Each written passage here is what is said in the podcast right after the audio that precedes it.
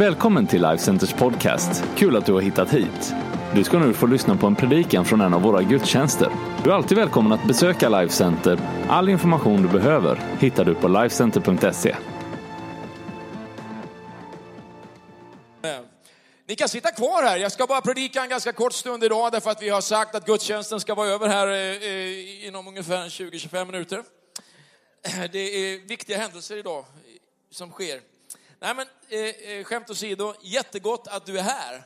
Och eh, jag tänkte jag skulle predika för dig och undervisa dig från Bibeln och tala till dig om, om vad Bibeln lär omkring några olika saker. Och eh, den senaste veckan så har jag eh, hållit på och eh, byggt lite på min eh, vinterstuga, säger min fru. Och hon säger att det är ingen sommarstuga för det finns mygg där. Och björnar. Och, och på allvar så är det gott om björn. Va? Så att här om veckan så var jag uppe och, och, och på morgonen Eh, när jag kom upp för en vecka sedan, då kom en, en, en älgko springande över tomten bredvid mig där, som, som, som tillhör den fastighet jag har där. Och efter kom en björn. Och veckan innan så var det en, och, och, och jag, ty, jag tycker det där är spännande. Jag tycker det är härligt, det vet ni alltså, eh, som är med i den här kyrkan, jag gillar ju djur. Eh, och eh, inte bara skjuta på djur, jag gillar verkligen djur på, på, på ett härligt sätt sådär. Alltid älskat djur va? och liksom naturen och det här. Och kan drömma om liksom, när jag är på vintern sådär om att få stå liksom vid en fors någonstans och flugfiska så, där, så att jag blir liksom alldeles galen inombords så att jag måste gå och binda flugor någonstans. Så där. Jag vet inte, en del kan tycka det är konstigt va, men jag kan längta verkligen över att vara där. Och ibland så känns det så att man är på en plats där man vill vara, men man är ändå inte riktigt där, man är nästan där. Kanske gillar du racing och så bara känna doften av nitrometan på en riktig dragracing strip. Då känner man liksom så här, jag är nästan där fast jag är ändå inte riktigt där. Eller du är liksom, du är på väg till konserternas konsert, du är på väg på, till eh, Roskilde eller du är på väg till eh, eh, Way Out West eller någonting och så, och så är du nästan där fast du är inte riktigt där. Det finns mängder av händelser i våra liv där vi är nästan där fast vi inte riktigt där. Och jag tänkte tala idag om att vara nästan där. Att vara nästan framme. Och hur Gud vill att du ska då inte bara stanna där utan fortsätta vidare. Har du tänkt på hur många gånger en människa ger upp när man är nästan där? Det är det vanligaste i en människas liv när det gäller att missa någonting som faktiskt ligger runt hörnet. Det är att man faktiskt ger upp när man är nästan, nästan där. Nästan där. En dejt till. En blomsterbukett till. Kanske ett år att hänga i till. Eller en tenta till. En vecka till.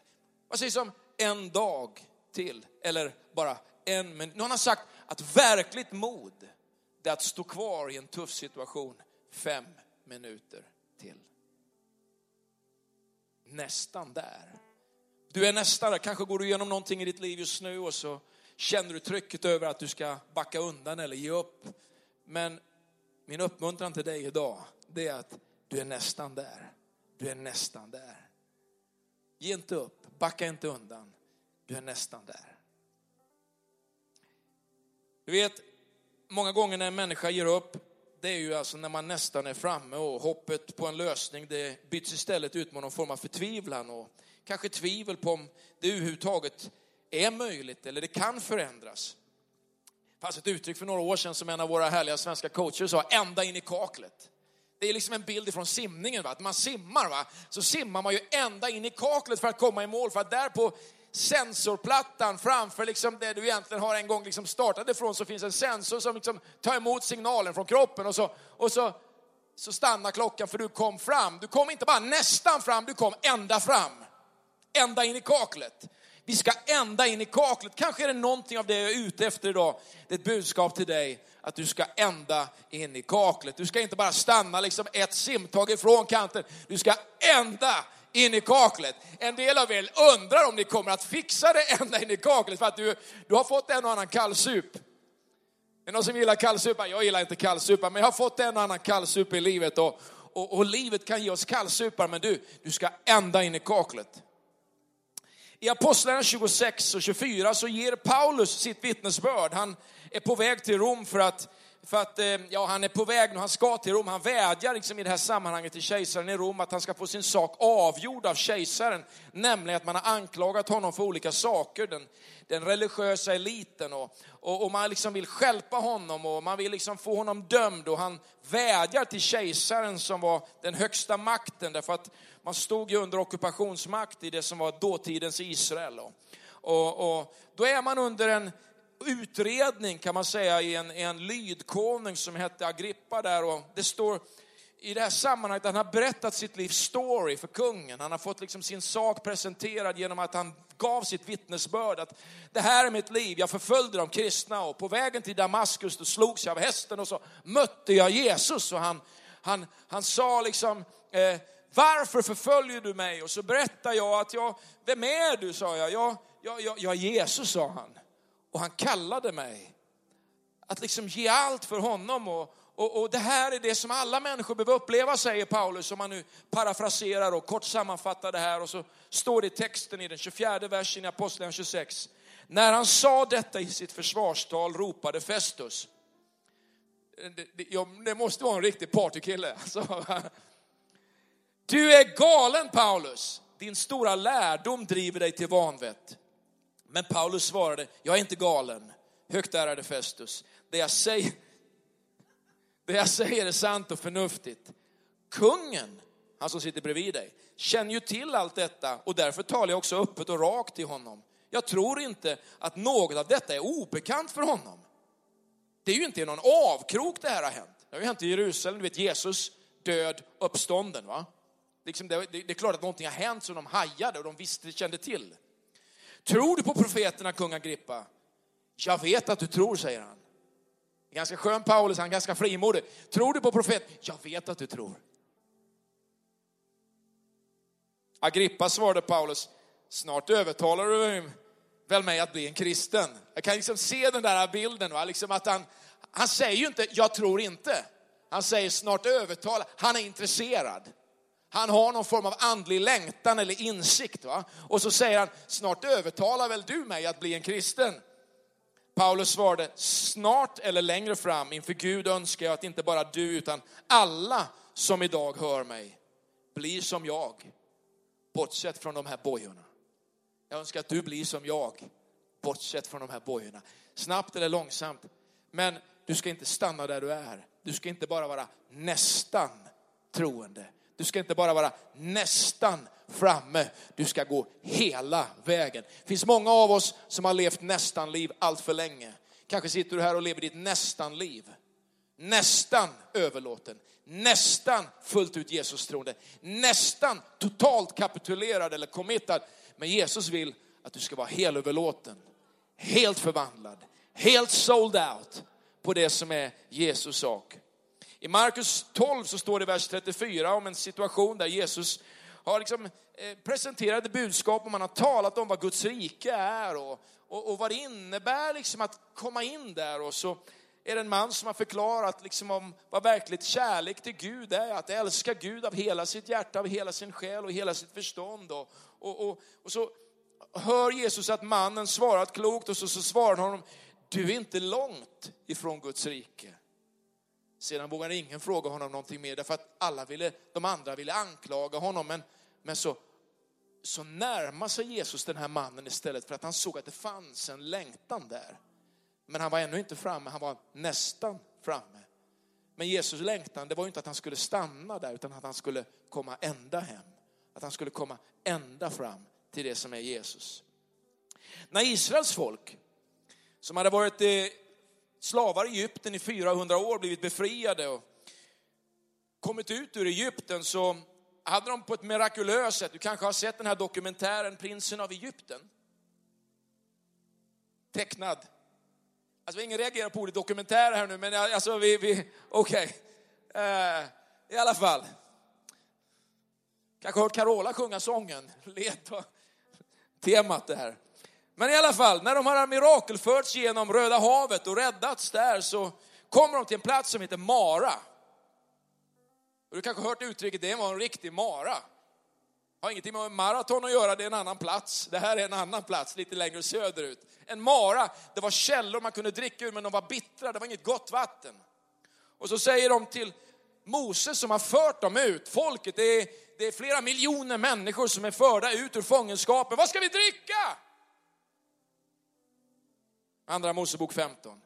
Och så kommer de och, och, så får de vatten för han slår på klippan med staven. Du vet staven som han hade kastat i backen och som har blivit en orm. Och, och, och han hade knappt vågat tro på liksom att det var sant, att han kunde göra mirakel. Och Gud hade sagt ta ormen i stjärten och han tar den och det blir en stav igen. Va?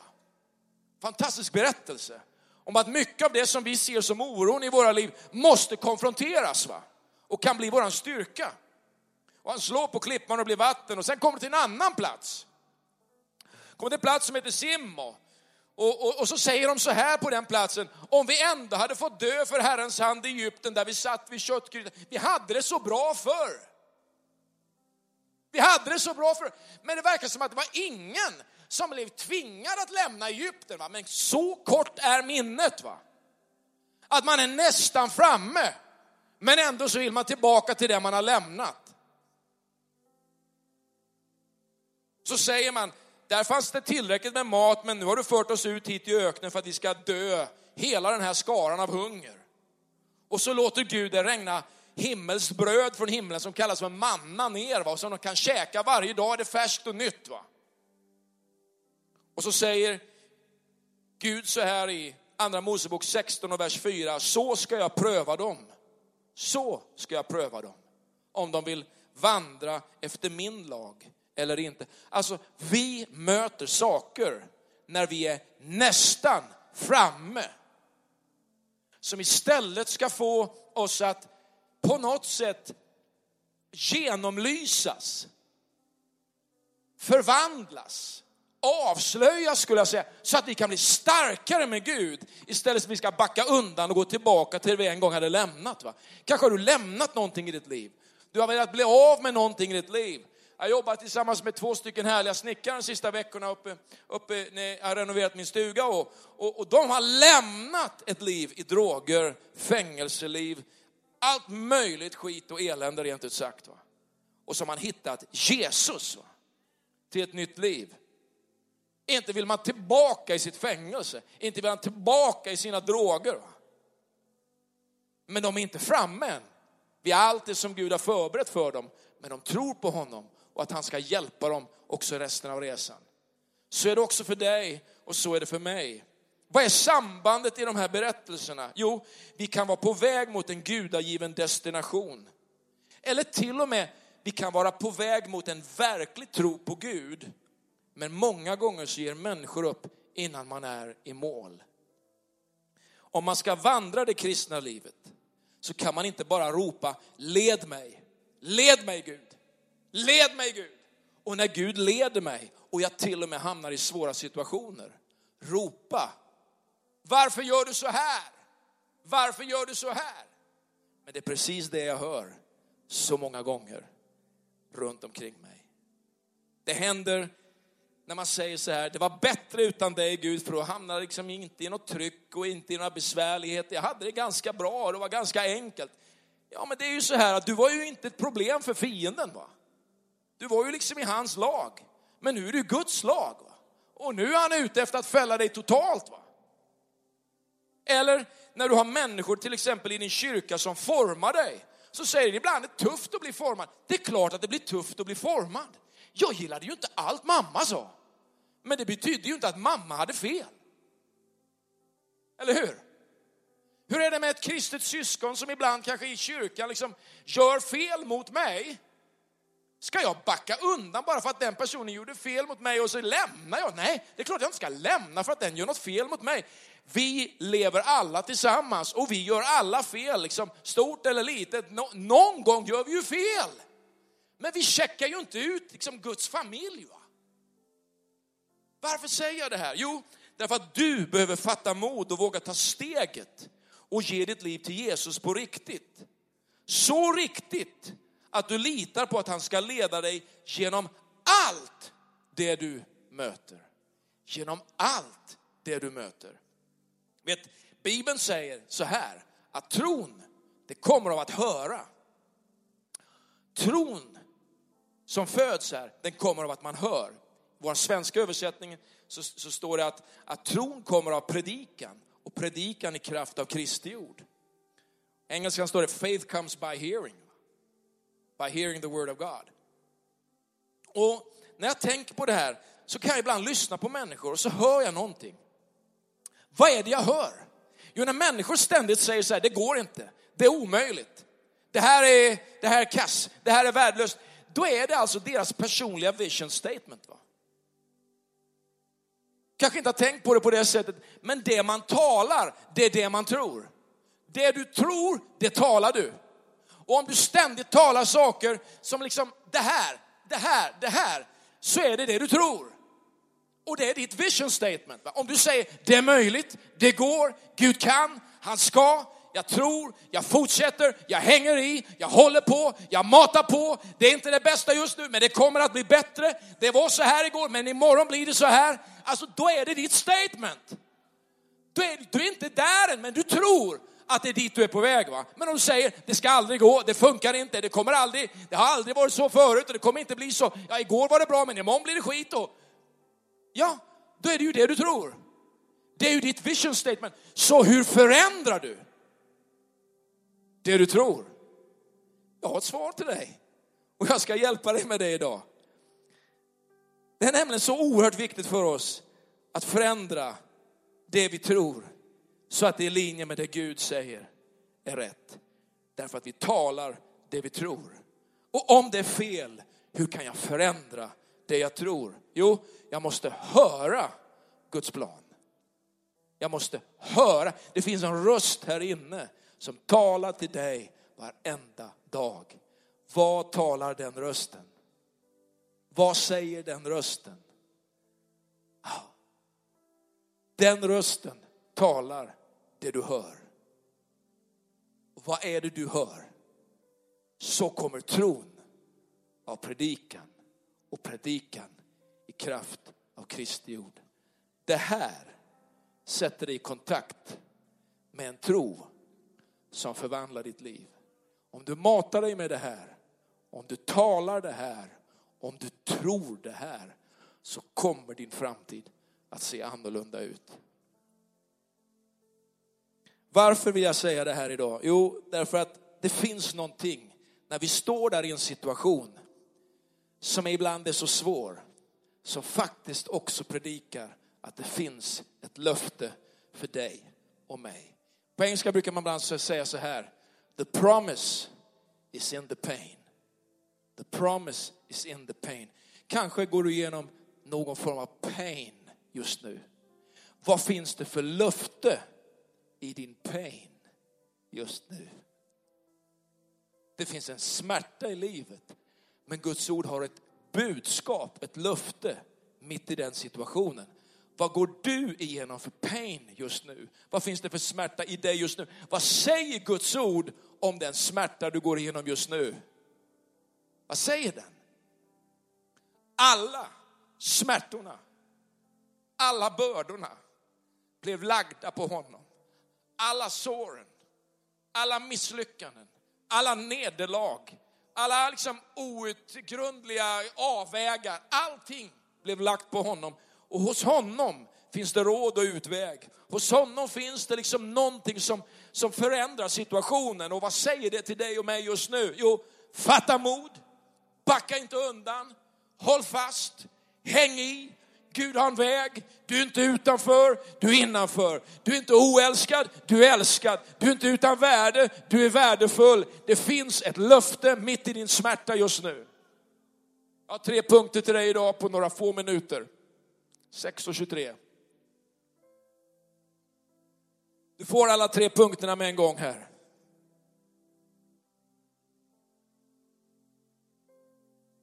You get what you pray for.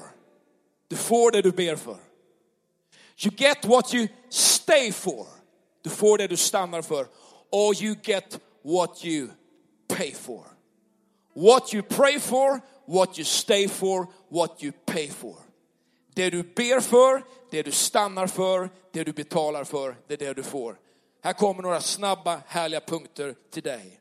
John Wesley sa så här, Gud gör ingenting utom genom bön och allt det andra följer bönen. Du får ingenting, Gud gör ingenting utan som ett svar på bön. Vet apostlarna visste hur viktigt det var att be. Så man liksom utsåg några stycken som skulle sköta det praktiska så de skulle ägna sig åt att be. Jag har inte varit det bästa exemplet på detta. För jag gillar ju att jobba hårt med kroppen också. Men jag skulle behöva ha fler som hjälper mig att jobba med lite praktiska saker så jag kunde ägna mig lite mer åt det som jag egentligen borde göra, mycket, mycket mer. Jag älskar att be. Jag älskar att söka Gud. Jag älskar att vara med Gud. Jag älskar att vara med Gud. Det finns ingenting i våra liv som ska hindra oss att ta samtalet med Gud. Och egentligen så är det så här att mesta av våra ursäkter, det är ganska lama ursäkter. Därför att vad vi behöver, det är ett pågående samtal med Gud. Du vet, samtalet med Gud är en nyckel till att flytta berg, till att förändra verkligheter och förvandla oss. När folket klagade på Mose, vad gör Mose då? Han går till Gud. Och så pratar han med Gud. Och så säger Gud så här, äh, det är lika bra att vi förstör allihopa nu och så börjar jag om med dig istället. Jag skapar ett helt nytt folk med dig, vi bara fräser till lite här och så är det klart. Och så startar vi ny resa med dig. Nej, nej, nej, säger Moses, du älskar det egentligen det här folket. Och, och, och, och vi kör med dem, vi kör med dem. Alltså, det finns en dialog med Gud som är liksom inte så otroligt religiös som vi ibland får den till. Va? Samtala med Gud, prata med Gud, be till Gud, ropa till Gud. Liksom utgjut ditt hjärta för Gud. You get what you pray for. Vet när Jesus behövde kraft för det uppdrag för, som han fått, vad gjorde han då? Han går till Getsemane va? Och så ber han. Vad gör de första lärjungarna? När Paulus och Silas sitter i fängelse i Filippi, då ber de.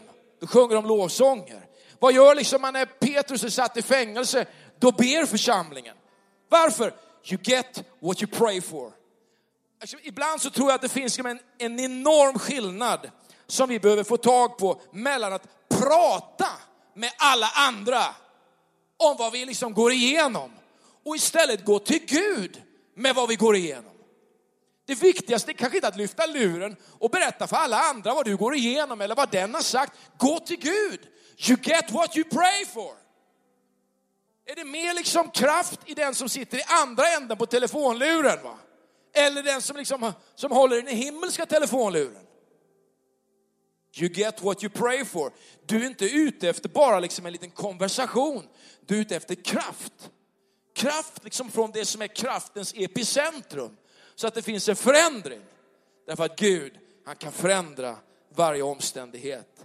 Det är en enorm skillnad mellan att prata med alla andra och att gå till Gud som verkligen kan förändra din situation. You get what you pray for. Det andra, you get what you stay for.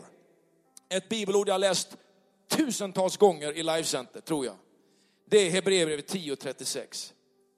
Uthållighet är vad ni behöver för att göra Guds vilja och få vad han har lovat. Att stanna kvar är helt avgörande för att nå fram till det som Gud har lovat dig. Titta på ett äktenskap. Det handlar ju om att stanna kvar. När alla andra säger dra dig undan, stanna kvar. Hur är det med en kyrka? Ja, ska du få det som är kyrkans liksom välsignelse över ditt liv, de som är planterade i Herrens hus skall blomstra.